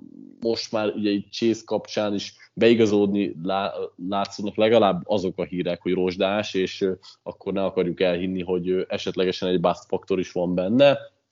Mm, valamint, hát nem tudom, Borótól is mit várjuk itt a tavalyi horror sérülése után. Szerintem neki sem feltétlenül fog teljesen úgy menni a játék az elején, mint ő, ahogy elvárja, és egy ilyen kvázi a hátulról előre kapaszkodó csapatnál nagyon sokat számítana az, hogy az elején hogyan működnek a dolgok. Nyilván el bele fognak futni megint nagyobb verésekbe, és szerintem így szép lassan fog elmenni a kedvük az egésztől. A jó hír az, hogy ez majd valamikor Zach Taylornak a leváltásához vezet, mert azért Buró úgyhogy egy per egy volt, nem valószínű, hogy féltenie kell az állását, de amit szerettünk volna szerintem látni, hogy van három nagyon tehetséges elkapójuk, sőt, ez igazából az egyik legjobb trió a ligában, és mégse fogjuk őket úgy ö, látni virágozni, mint ahogy szeretnénk. Bálint, te hogy állsz az offensehez? Hát, körülbelül hasonlóan vagyok izgatott, mint Patrik. És ez sok mindent elárul. Hát ugye az a gond, hogy ugye nagyon vertük az asztalt, és rajta álltunk, és ugráltunk, hogy itt bizony Jamar Chase-nek kell jönnie, és nem pedig egy falembernek, legyen az bárki a drafton, és akkor most ott tartunk, hogy nem, eddig, eddig nem vagyunk elégedettek, maradjunk ennyiben, és akkor kicsit Paul korrektre sikerült ez a dolog. Illetve nagy kérdés, hogy akkor most a kezdő támadó falak közül ki tud egészségesen pályára lépni az első héten, és ez is nagy probléma, hogy tényleg nem tudják, hogy mit kapnak a, a, a, mind, a mind a futók, mind pedig Böró maga elé. Úgyhogy én Bőróval kapcsolatban egyébként pozitív vagyok, ahhoz képest, hogy tegnap, vagy tegnap, hát tavaly milyen hype volt, szerintem azért kevésbé mutatott jó játékot, főleg nyomás alatt, azért nem láttuk azt a, azt a nyugodtságot, amit az LSU-ban, de hát miért láttuk volna, mert ez egy másik tigris csapat. Az a, az a probléma, vagy, vagy nem is az a probléma, hanem inkább egy olyan kérdésem van, hogy olyan, és, és ezt csak nektek, kettőtöknek, meg illetve akkor majd kommentelni nyilván azoknak is, hogy, hogy mennyi pénzt mernétek feltenni arra, hogy az első kirúgott vezetőedző az Zach Taylor lesz? Ugye mernétek-e másra több pénzt rakni? Inkább itt teszem. Hát Fangio szerintem jó esélyekkel indul, de nyilván Zach Taylor az egyik legjobb esélyes. Én nem raknék sokat már csak azért, mert igazából a, most az, hogy másra laknék-e többet, az egy jó kérdés, de, de az első kérdésre az a válaszom, hogy nem raknék szinte semmit, mert uh, szerintem a Bengalsnál túlságosan türelmesek ahhoz, hogy évközben kirúgják, és ezért szerintem ő csak év végén fog. Igen, ez, ez csavarhatja meg az egészet. De ugye Sharp írta tök jól a könyvébe, hogy 24 meccsen vezettek a 32-ből Taylor vezetése alatt, és sikerült hatot megnyerni belőle egy döntetlen mellett. A 24 meccsből, ami vezettek. Igen, hát ez, nem, ez, ez nem hiszem, hogy a tehetségek problémája. Tehát itt nem, nem, itt nem azzal van a gond, hogy nincsenek jó játékosaitok, vagy jó játékosaink. Igen, hát, ez a... egy jól összefoglalja az egészet, hogy hiába van egy, egy, egy per egyes bőróda egy nagyon jó Joe Mixonod, meg Jamar Chase, meg Higgins, és akkor itt tényleg pufogtatjuk a neveket, de hogy mitől jövök izgalomba, az, az nem ez lesz. Igen, hát azért Taylor elég sok kritika érheti, például, hogy Bőrónak a várható passzpontossága az 37. volt az egész ligában, a 41-ből, ami ugye azt mutatja meg, hogy a megkísérlet passzai azok mennyire voltak könnyűek, és akkor itt, itt nyilván részben az is közrejátszik, hogy rövid passzokat próbálta meg egy játékos, másrészt pedig azt, hogy a rendszer mennyire játszott üres elkapókat, és hát ez nem nagyon volt jellemző a, a Bengásznál. A, ami egyébként mondjuk, mondjuk Böró kritikája lehet, hogy tényleg, ahogy Bánint mondta, nyomás alatt mennyire gyenge volt, és az LSU ezt azért pontra hát, nagyjából mindenben, amiben az LSU-ban jó volt, ott nem volt jó Bengázban. Igen, a másik a 20 fölötti passzok, amik, amik 48 kísérletből 9 volt sikeres, ami ilyen elképesztően rossz arány nyilvánvalóan. De mondjuk 20 addig viszont, vagy 10-15 addig meg az egyik legjobb irányító volt, tehát hogy nem néz ki hogy jól ez az offense, hogy így nagyon váltogatni lehessen a, a dolgokat, vagy a passzmélységeket, és hát nyilván ebben közrejátszik a támadófal, amelyik értett értékelése szerint a 27. volt passzblokkolásban tavaly, és hát futásblokkolásban a Football Outsider szerint 31. Úgyhogy hát, nem gondolom, hogy ezt különösen statisztikákkal alá kell támasztanom, hogy rossz volt ez a támadófal, mert mindenki látta. Az jó kérdés, hogy most Riffel és Carmennel ez mennyire túl előre lépni, vagy mennyivel lesz jobb. Hát egy kicsit, de, de olyan... Meg Williams is azért most jó, jó sokat segített. Igen, mennyit volt sérült tavaly, most jelentik, nem is tudom, hogy mennyit volt pályán tavaly, hát, de... Nem volt még, igen. még nem volt csúcsformában, az biztos. Igen, szóval az kérdés, hogy mennyit, mennyit tud erősödni ez a támadófal. nem tudom, vagy nem tudom mennyire vagyok magabiztos azzal, hogy itt, itt ez most működni fog. És hát ez nyilván Bőrónak se fog jót tenni, aki saját elmondása szerint is még fejben nincs ott, ahol kéne a sérülése után, hogy jobban bízzon a lábában, ami nyilván nem meglepő, de, de ettől függetlenül um, érdemes válozni, és hát a másik meg, hogy Jamal Chase mi lesz, mert eddig ugye első két először a meccs alapján nem néz ki jól, és akkor elő lehetett venni a draft előtti vitákat, hogy uh, Suelt vagy chase kellett volna, vagy kellene választani a Bengalsnak, és hát egyelőre ugye egyiket sem, de majd nyilván ez még, még uh, fejlődik ez a kérdés, vagy, vagy tovább lépünk ezzel, hogy itt az első két előszezon meccsen nem játszottak valami jól. Um, amit még követem Taylornál, vagy kritikánál, hogy nagyon kevés play action és nagyon kevés motion használ, és még a, a personelt sem variálja, úgyhogy um, ezek is nyilván negatívumok, és hát de talán itt se kell olyan sok statisztikát elmondani, hogy mindenki lássa, hogy ez az offense az nem egy jól működő támadósor, és nem csak, vagy elsősorban nem a, a, játékosoknak a hibája ez. Nem tudom, mennyit, nem tudom, mennyit fejlődhetnek, és nagyon nehéz ezt megmondani. Sok bizonyalom nekem sincsen, és leginkább a legtöbb, ami van, az, az bőróban, és akkor meglátjuk, hogy ő hogyan tér majd vissza. És itt egyébként meg is fogtuk a, az offense az egész lényegét nagyjából. Igen, és hát leginkább talán azt tudjuk remélni, vagy, vagy a Bengals szurkolók azt tudják remélni, hogy, hogy akkor jövőre majd nem Zach Taylorral vágnak neki a szezonnak, csak hát itt is megint nehéz optimizmusra okot találni olyan szempontból, hogy majd a vezetőség ide csábít egy, egy top jelöltet, mert hát erről a vezetőségről és tulajdonosi körről nem pont ezt tudjuk elmondani, vagy a tapasztalatok nem ezt mutatják. Abszolút. Menjünk a védőkre. A perszereseleket a 21. helyre tettük, a belső védőfalembereket a 20-ra, a linebackereket a 30-ra, cornerbackeket a 25-re, safety pedig a 4-re. Távozóknál a perszeresel Carl lawson a cornerback-keket William Jackson-t és Mackenzie Alexander-t, a safety Sean Williams-t és a védőfalember Gino Atkins kell kiemelni, érkezett a pass Trey Hendrickson, illetve a draftról Joseph Osai, de ő közben um, ki is dőlt az egész szezonra. A védőfalba jött még Larry Ogunjobi, a cornerek közé pedig Mike Hilton és Chidobi Abuzier. Uh, Patrik, az a kérdésem, hogy Lou Annarumo mi a tökömet keres még ennél a csapatnál, azon kívül, hogy pénzt. A védőkoordinátorról van szó, aki esetleg nem ismeri névről. egyébként nagyon-nagyon jó a kérdés, mert egyébként ezt így nem tettük még föl szerintem soha, pedig ha, ha valami még lehorgasztóbb, és hát most a jelenlegi offenzni talán nem lehorgasztóbb, de a, a Cincinnati védelme időtlen idők óta igazából nem tudott a liga felsőbb karéjába tartozni, és szerintem egyébként a, az idei erősítések sem sikerültek annyira jó. Tehát Hendrickson szerintem az egyik legtúlértékeltebb szabadügynök igazolás lehet ever, de úgy talán az idei off-season tekintve biztosan.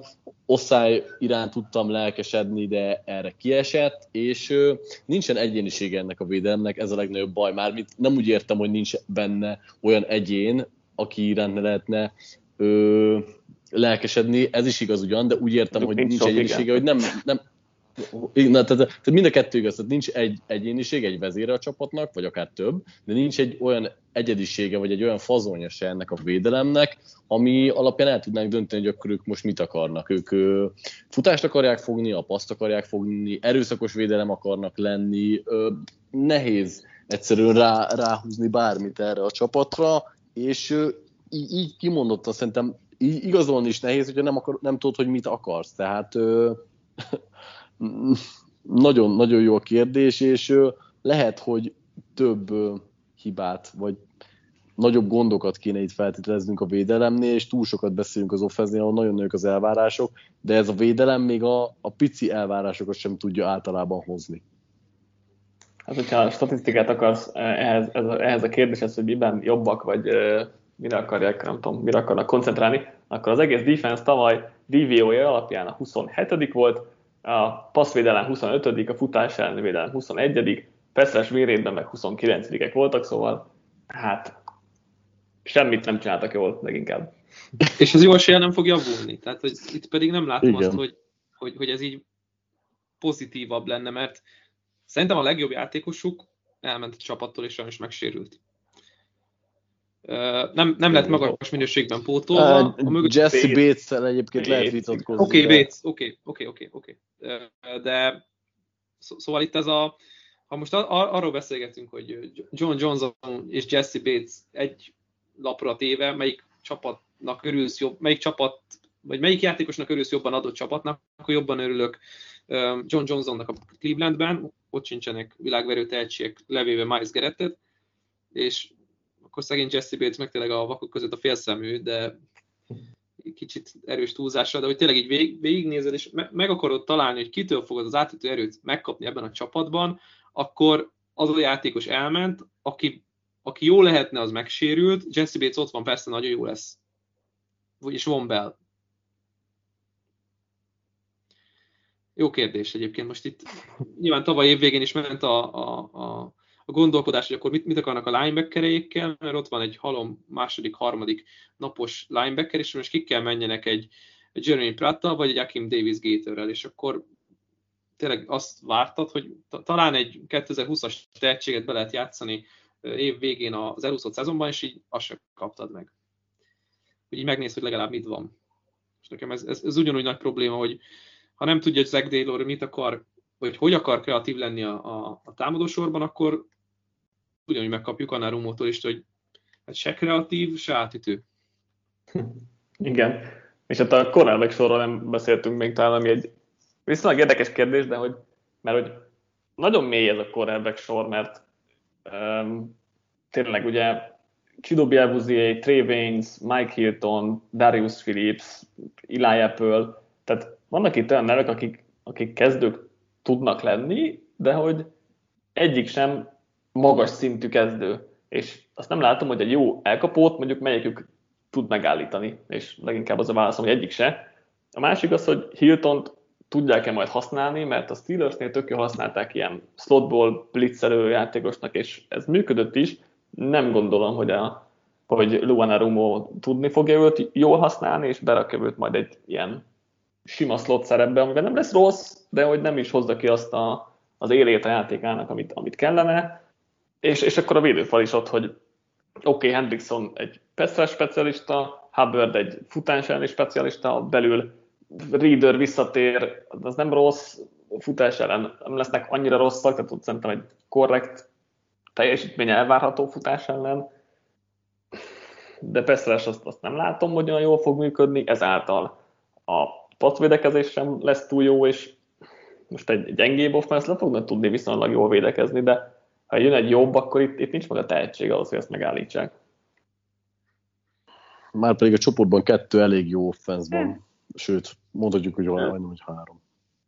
Igen, a másik az, hogy, másik az, hogy sokat embereztek egyébként, és hát William Jackson nélkül nem tudom, hogy a, mely, melyik cornerback lesz jó igazán emberezésben, mert mert annyira Waynes, meg Abuzi, meg Philips sem az a hű, de jó emberezős cornerback, aki itt majd leveszi a, az elkapókat a pályáról, úgyhogy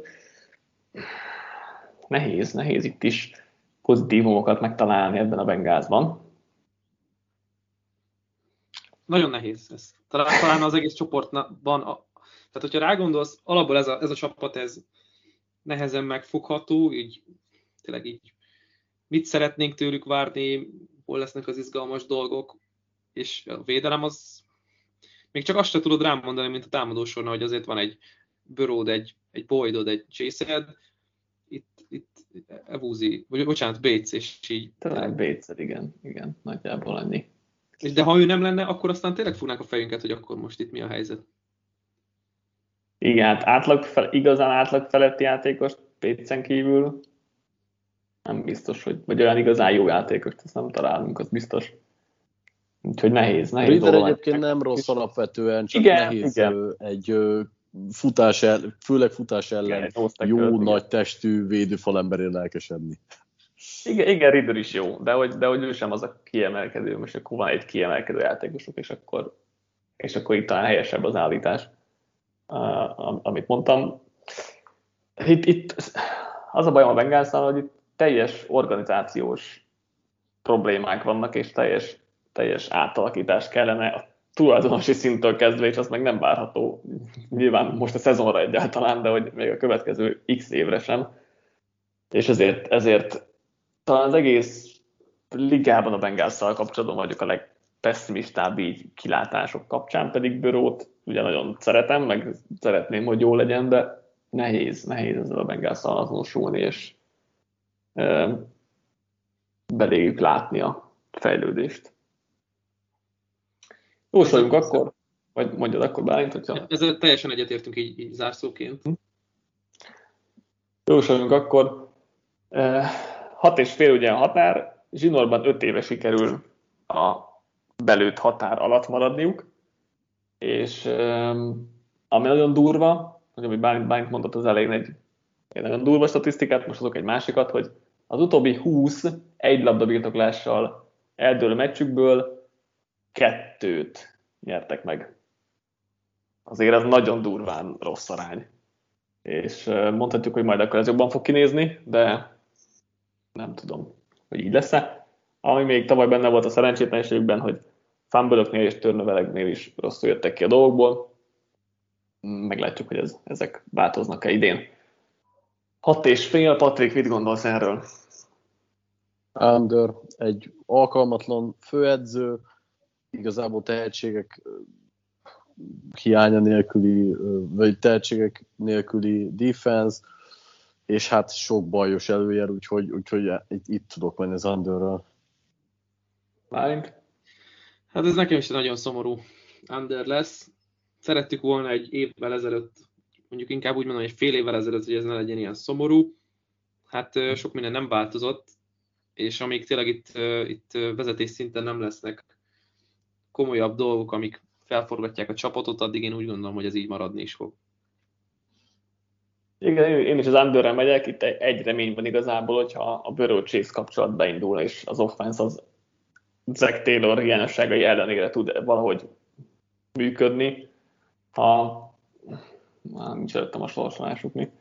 Voltam megnézem, hogy ö, pontosan, pontosan kiket verhetnek meg, de ugye az egyik legnehezebb a sorsolásuk, úgyhogy ilyen szempontból nem egyszerű, hogy gyorsan itt előkaptam játszanak majd azért egy Jacksonville, Detroit, New York Jets trióval, de, de azért összességében a legtöbb csapat masszív playoff esélyes, csak mondjuk a... 15 meccsen underdog, az sokat elmond. Hát igen, az is, az is sokat elmond. Jó. Nem várunk akkor sokat legszerint a Bengalstól, és így ugrunk át a Pittsburgh Steelersre, ami nagyon érdekes csapatnak ígérkezik szerintem. Sorsolásuk konkrétan a legnehezebb az egész ligában, és még a PNA szempontból is kedvezőtlen a menetrend. Az overrender határuk 8,5, ugye erre e, visszatérünk majd, de nem volt 14 éve e, negatív mérlegük, úgyhogy kis előretekintés ilyen szempontból. Az offense az irányítót a 21. helyre tettük, a futókat a 23-ra, az elkapókat a 7-re, a titan a 16-ra, a tekölöket a 32-re, a belső támadó felembereket pedig a 27-re. Távozók közt a támadó koordinátor rendi Ficknerrel kell kezdeni. A falból elment Alejandro Villanueva, David De Castro, Matt Feiler és Marquis Pansy, és a futók közül távozott James Conner, Érkezőknél ugye Matt Canada vette át a támadó koordinátori posztot, a falba jött Trey Turner, BJ Finney, Matt Haig, illetve a draftról Kendrick Green, jött még a játékos bőrzéről a futó Najee Harris, illetve a tight end Pat Freyer Moose. Bárint, hogy fog kinézni az offense, amelyik tavaly egyébként 22 volt, csak DVO-it tekintve a negyedik legkönnyebb sorsolással, Szóval hogy fog ez kinézni, mert Kanada irányítása alatt mekkora változásokat vársz, mennyire tudja ő rá ráerőltetni a saját jó gondolatait Big Benre, aki, aki nem mindig akarja ezt elfogadni. Én azt gondolom, hogy a, ebből a nagyszerű triumvirátusból, amit alkottak Fichtnerrel hárman, Big Ben és Canada, a, az távozott, akinek távoznia kellett. És így van. pont azért, mert a másik kettő elérte, hogy ez így, így legyen. És ebből a szempontból szerintem ők cinkosok lesznek idén is. Nyilván ez egy picit ilyen túl van dramatizálva, de mindenképpen jobban összeillenek, mint, hogy, mint, mint Fichtner és Big Ben. És ebből a szempontból várhatunk jobb dolgokat, hogy azt mondja Canada, hogy legyen neked ben nagyobb befolyásod ebben a, az offenszben, legyenek úgy a játékok kialakítva, hogy te szeretnéd, mert egyébként nem fogunk sikereket elérni enélkül. Hogyha te behisztizel, vagy ha te ellenállsz, akkor csak hátrébb leszünk egy lépéssel. Úgyhogy szerintem sokkal nagyobb befolyása lesz, mint Big Bennek, mint pedig azoknak az elemeknek, amit mondjuk még Canada a Pittsburgh Panthersből hozott, ugye ott is volt korábban egyetemi szinten, tehát neki ismerős az egész környék, nem ismeretlen ember ott a Pittsburgh házatáján, úgyhogy biztos, hogy, hogy lesz egy minimális összhang kettejük között. Hogy ez hogy fog elsülni, azt nem tudjuk, mert nyilván máshogy gondolkodik Big Ben, máshogy gondolkodik egy támadó koordinátor a pálya széléről. Az biztos, hogy Juju azért maradt, mert Big Ben is visszajött.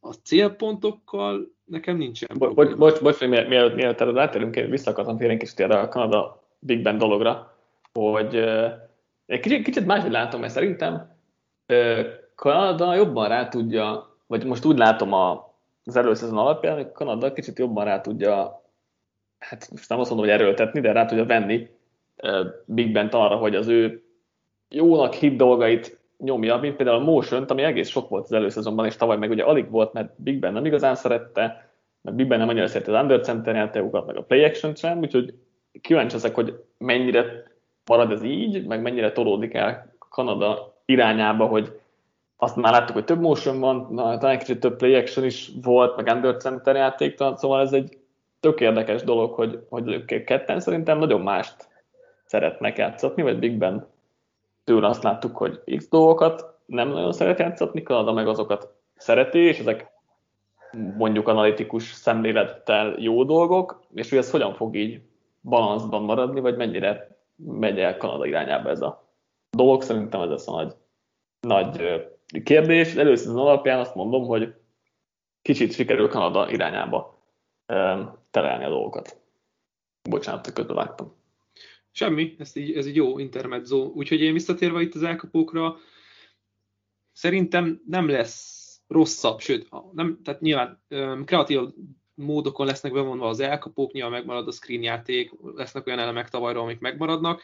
Nekem az a nagyon nagy kérdés, hogy ez a támadó fal mire lesz jó? Mert én uh-huh. ettől félek nagyon, hogy sok mindenre nem, sokat fogják ütni bent, és ha a futójáték se fog működni, akkor nem azt mondom, hogy kukába ment az első körös pikked, vagy az első két körös pikked ezzel a alkalmatlan támadó fallal, hanem azt mondom, hogy hát akkor itt más irányba kellett volna nézelődni, mert úgy gondolom, hogy nem biztos, hogy a legjobban lett elköltve az a pénz, ami a, ami a drafton a rendelkezésükre állt. És nekem ez a nagy problémám velük. Valószínűleg te hogy látod a támadó falat, mennyire aggódsz miatta, mennyire lehet jó ez az egység, mit, mit vársz ettől? De jó, hogy erről kérdeztem, mert már minden más nagyon jó kiveséztetek, egyedül a támadó fel, illetve hát a futó kérdés, ami még talán hátra maradt. Sajnos ezzel kapcsolatban már annyira nem tudnék bizakodni, mint például a Matt Canada előszezon meccsei, hogy el, a stratégia az előszezon meccseken nagyon tetszett, illetve szerintem Big Ben is jól mutatott az, az alatt a pár snappereig, amíg fönt volt. A támadófallal kapcsolatban ugye itt inkább közepes vagy a közepesnél gyengébb játékosokról beszélünk, talán a liga egyik legrosszabb egysége, ha csak a neveket tekintjük. Itt az a nagy kérdés, hogy mint, ö, mint rendszer, mint egy fal együtt tudnak-e jól működni, mert viszont ezt nem zárom ki, hogy azért Pittsburghben nagyon jó szokott lenni a támadófal nevelés, és az igazi sikerkovács már elhagyta évek után a csapatot, de ettől függetlenül nem kell kizárni azt, hogy, hogy együttműködni fog ez a, a fal. Most itt nem arról beszélek, hogy top 5-ös vagy 10-es lesz akár a ligában, de hogy nem lesz annyira borzasztó, hogy Big Bennek sokat kelljen mondjuk elmozognia, vagy nem működhessenek a motionok rendesen, mert gyorsan összeomoljon a fal. Úgyhogy szerintem alapvetően a Steelersnek az a stratégiája, vagy arra fognak rámenni,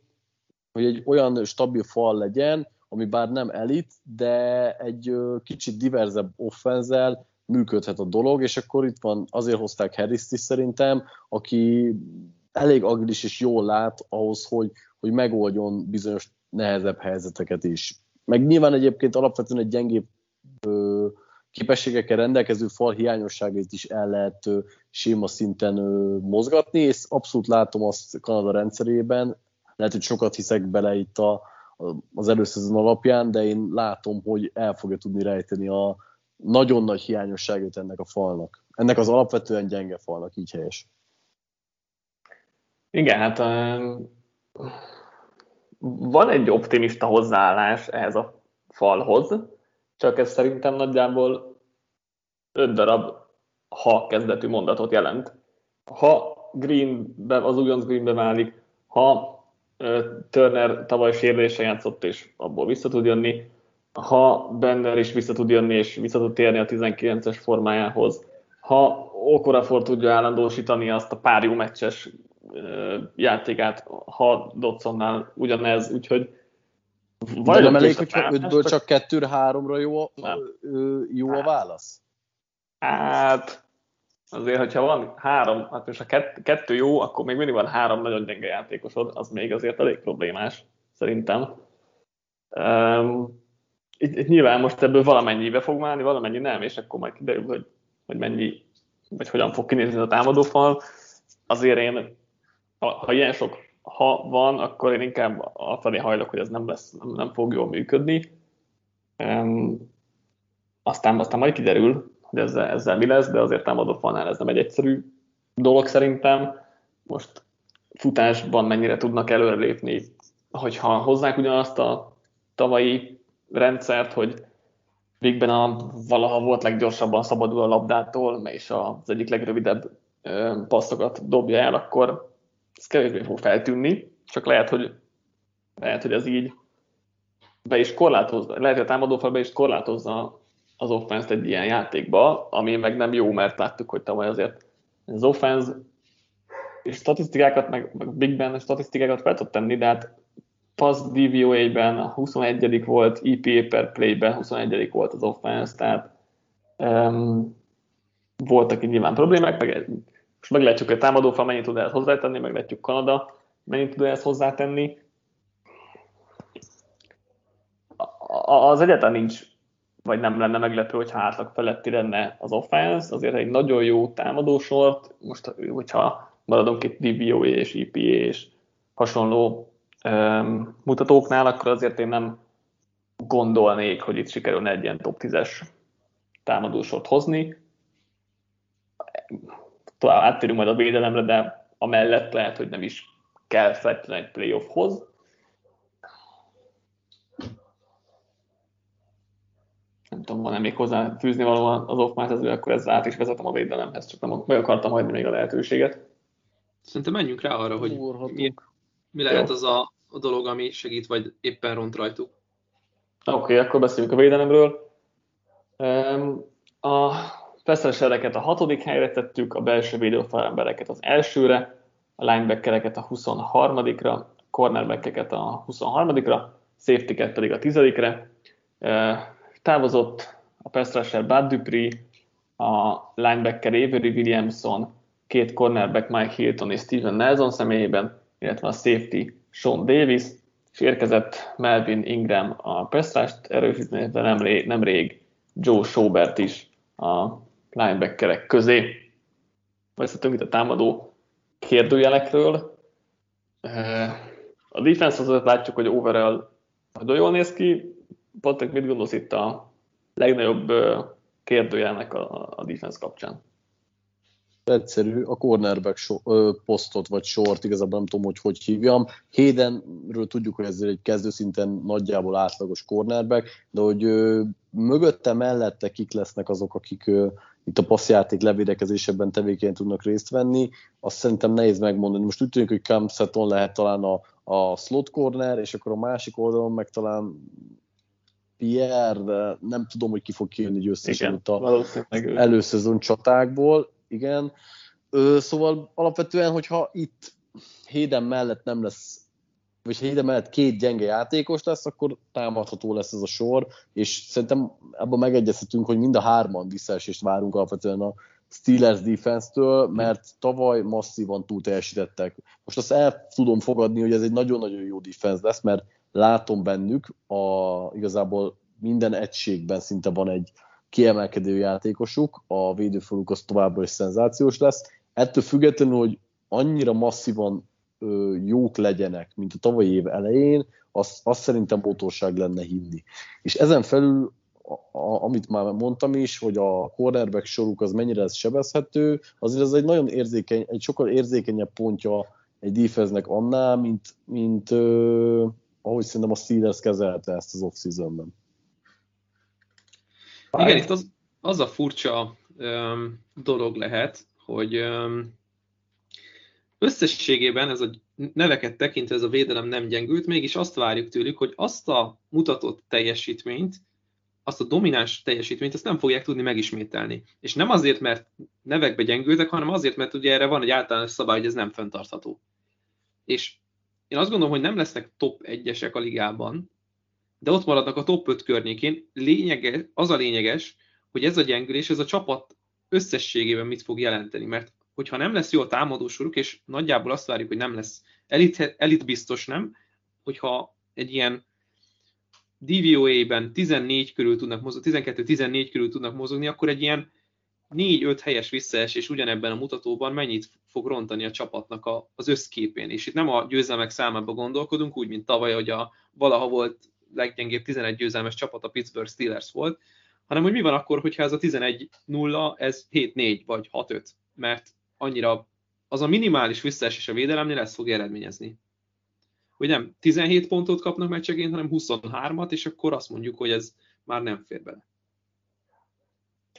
Igen, annyiban vitatkoznék, hogy szerintem azért cornerback sorban gyengültek, mert Nelson és Hilton elvesztése azért szerintem eléggé fájó lesz nekik, de, de emellett teljesen igazadban, hogy ezt a tavalyi mindenben top 2-es szintet ezt nem fogják tudni um, fenntartani, mert csak azért sem, mert tavaly a védelemnek a negyedik legkönnyebb volt a sorsolása, idén a harmadik legnehezebb lesz, az óriási különbség. És, és, és ezt, ezt, nem, ezt nem tudod fenntartani, ez teljesen biztos. Igen.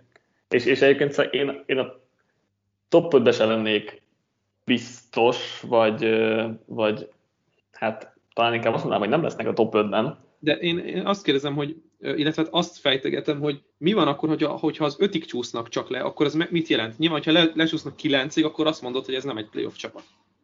Hát nem feltétlen, mert hogyha a támadó sor meg tud javulni, és a 22-ről a 15-re felmennek, akkor, akkor az okay. pont elég ahhoz, tehát akkor az, ez egy ilyen balanszt ki lehet hozni. A tavalyi mérlegük az nyilván túlzó volt, főleg a kezdés, a 11 0 kezdés, tehát annál tehát az nyilván nem várható. Meg, meg szerintem a csoport győzelem sem várható feltétlenül a Pittsburgh-től, de ezt majd még ezután megbeszéljük, de, de, de azért az lehet még mindig egy, egy masszív csapat, és azt, azt meg nehéz elképzelni, hogy ne lennének egy masszív csapat egy a, ilyen elit front seven vagy legalábbis védőfallal, meg azért olyan jó skill pozíciós playerekkel, mint amik, amik nekik vannak. Érdekes balansz van itt, itt a, vagy lesz a Steelersnél szerintem. Hogy lesz-e balansz, az egy jó kérdés, de az, az lesz tényleg érdekes, hogy mennyit fejlődik az offense, és mennyit esik, esik vissza a defense, és ez mit jelent majd mutatott játékképbe, illetve ott lehetnek-e a rájátszásnál, rájátszás vagy ott lesznek-e abban a csatában, ami a wildcardért megy, mert most ezt ki lehet mondani, hogy azért fognak küzdeni. Legalábbis a mi olvasatunk, olvasatunkban. Amit még talán hozzá akartam tenni, vagy, vagy még így elmondani védelemmel, és akkor utána rátérünk a jóslásra, hogy én mondjuk Alex Highsmith-től várok egy kiugró évet, vagy egy breakout évet, mondjuk jött Ingram, tehát most egy kicsit elveheti ezt tőle. A másik az, hogy ugye főleg single és akkor így elmondjuk, hogy nagyjából hogy néz ki a sémája a Steelersnek, ugye rengeteg blitz, tavaly a harmadik legtöbb volt, és jól is ment így, átlagos volt az emberezés és zónázás arány, és kicsit több volt a single high safety felállás, mint a split safety, tehát nem voltak ilyen óriás különbségek. Nyilván a blitz, blitz az, ami, meghatározza ezt a Steelers, ami nekem érdekes, hogy mondjuk idén vissza akarnak-e venni belőle, mert ez a védőfal, ez, ez blitz nélkül is meg fogja verni a legtöbb támadó falat, és akkor lehet érdemes lenne több embert hátul hagyni. Hát főleg abban a szempontból, hogy nem lesznek jók a cornerbackek egy az egybe, akkor, akkor ott maradnak szigeten, és az nem biztos, hogy jót fog, hagy, jót fog eredményezni. Igen, igen, úgyhogy szerintem ebben lehetne változtatni védő oldalon. Jósoljunk akkor, 8 és fél lesz ugye a határ, 14 éven nem volt negatív mérlegük, ellenben 5 éve nem tudtak nyerni a rájátszásban egyet sem. Tavaly a negyedik legnagyobb volt a, vagy negyedik legszerencsésebbek voltak turnovereknél, ötödik legszerencsésebbek sérülésekkel. 7-2 volt az egy labdabirtoklással eldőlő meccseken a mérlegük, és úgy, hogy a második legkönnyebb volt a sorsolásuk. Ugye védelmnél beszéltünk róla, hogy amúgy is várható visszaesés, és a sorsolás is sokkal nehezebb lesz. Bárint, mit, mit vársz ettől a, vagy mit jósolsz erre a 8 és feles over határra? Ugye azt mondtad, hogy mennyi 15 éve nem volt negatív mérlegük? 14. Na most egy, itt egy under negatív mérleget eredményezne, vagy minimum egy 50-50-eset.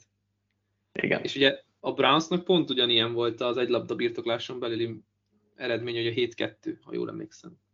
Mennyivel optimistábbak Igen. vagyunk egy ilyen szintén nem fenntartható um, statisztikával kapcsolatban a Brownsnál, mint a Steelersnél, és ezt azért talán nehezebben tudjuk megmagyarázni, hogy mert mi van akkor, hogyha a Big Ben nagyon jó lesz, és Baker Mayfield befürdik, akkor tényleg tök hülyét csináltunk magunkból. Ez biztos, De mégiscsak, mégiscsak úgy gondolom, hogy, hogy úgy mindent egybevetve ez a csapat szerintem jelenleg közelebb áll az Underhez, és nem azért, mert bármiféle rossz indulat szólna belőlem, hanem azért, mert egyszerűen tényleg olyan sok dolog öm, nem biztos, és annyira tényleg például egy, egy támadó koordinátor személye is annyira megosztó lehet csapaton belül, hogy nem tudod azt mondani, hogy ez a, ez a támadó egység, ez biztosan jó lesz. És ugye a védelemben meg ott vannak ezek a kérdések, hogy jó, hogy, hogy oldják meg a cornerbackeket, hogy oldják meg, hogy az egész maradjon az a, az a nagyon erős mag, az a nagyon erős idézőjeles maszlag, az a, az, a, az a tömeg, az a tehetségtömeg, ez megmarad-e, nem marad meg az én szememben, és ezért mondok Anders. Patrik? Nálam is túl sok a kérdés egyszerűen, és túl nehéz a sorsolás ahhoz, valamint van két nagyon erős csapat a csoportban. Ö, nehéz azért a steelers azt mondani, hogy negatív szezonjuk lesz ezek ellenére is, de szerintem éppen, hogy lecsúsznak erről, úgyhogy under. Itt, itt voltam a legnagyobb uh, dilemmában, meg egyébként még mindig vagyok, mert most is pattog a fejemmel, hogy melyik oldalra billenjen a mérleg, mert, mert alapvetően beírtam az undert hozzájuk, még múlt héten, vagy nem tudom, másfél, amikor itt készültem a, erre, ezzel, ezzel a csoporttal, és akkor még úgy voltam vele, hogy szerintem az offense bajban lesz, mert mert szerintem a, a Big Ben Kanada duó nem fog elég jól működni, azért, mert Big Ben nem szereti azokat a dolgokat, amit Kanada szeret, és akkor itt lesz egy ilyen ellentét, és nem, Big Ben nem akarja majd azt játszani, amit mm, Kanada szeretne, és akkor inkább Big Bennek lesz nagyobb szava, és ezért gondoltam, hogy az offense az nem nagyon fog előrelépni, a védelem meg nyilvánvalóan vissza fog esni, és ezért lejjebb fognak csúszni, plusz a sorsolások is baromi nehéz lesz. És akkor most láttam az előszezont, hogy offense szinten egyébként voltak nagyon jó kinéző dolgok, amik, amik azt mondatják velem, hogy, hogy előrelépés lesz, és most nem tudom, hogy ennek, ennek tulajdonít csak nagyobb súlyt, vagy annak, amit előtte gondoltam, hogy ezért vagyok ilyen konfliktusban. Maradok az, á... maradok az undernél, nem tudom miért, hogy kitartsak a mellett, de, de erre biztos, hogy egy, egy centet se fel, mert mert ebben bőven benne van, hogy az offense feljavul, és akkor simán 9-10 győzelem, annál többet azért nem gondolnék a Steelersben. Itt Nehéz, volt ez, ez, ez talán az egész liga egyik legnehezebb over-under határa. Igen, és hát akkor bemondtuk mindhárman emberre, de ahogy látom, van legalább ugyanennyi over is a szerkesztőségben a szeptemberben kijövő cikkünkhöz, úgyhogy ez is megosztóbb, mint a, ugye úgy, mint a Browns volt kicsit korábban. Na, egy másfél órába sikerült bele sűríteni, ha így akarjuk mondani az adást. Érkezünk az NFC, AFC számusszal pontosabban csütörtökön, ott Józsi és Balázs lesznek velem, ha minden igaz, és jövő héten zárjuk a sorozatot az NFC Számusszal, hát ha addig Sean Payton kinevezi a kezdő irányítóját. Úgyhogy köszönjük, hogy velünk tartottatok most is, hallgassatok majd minket legközelebb is. Sziasztok! Sziasztok! Sziasztok!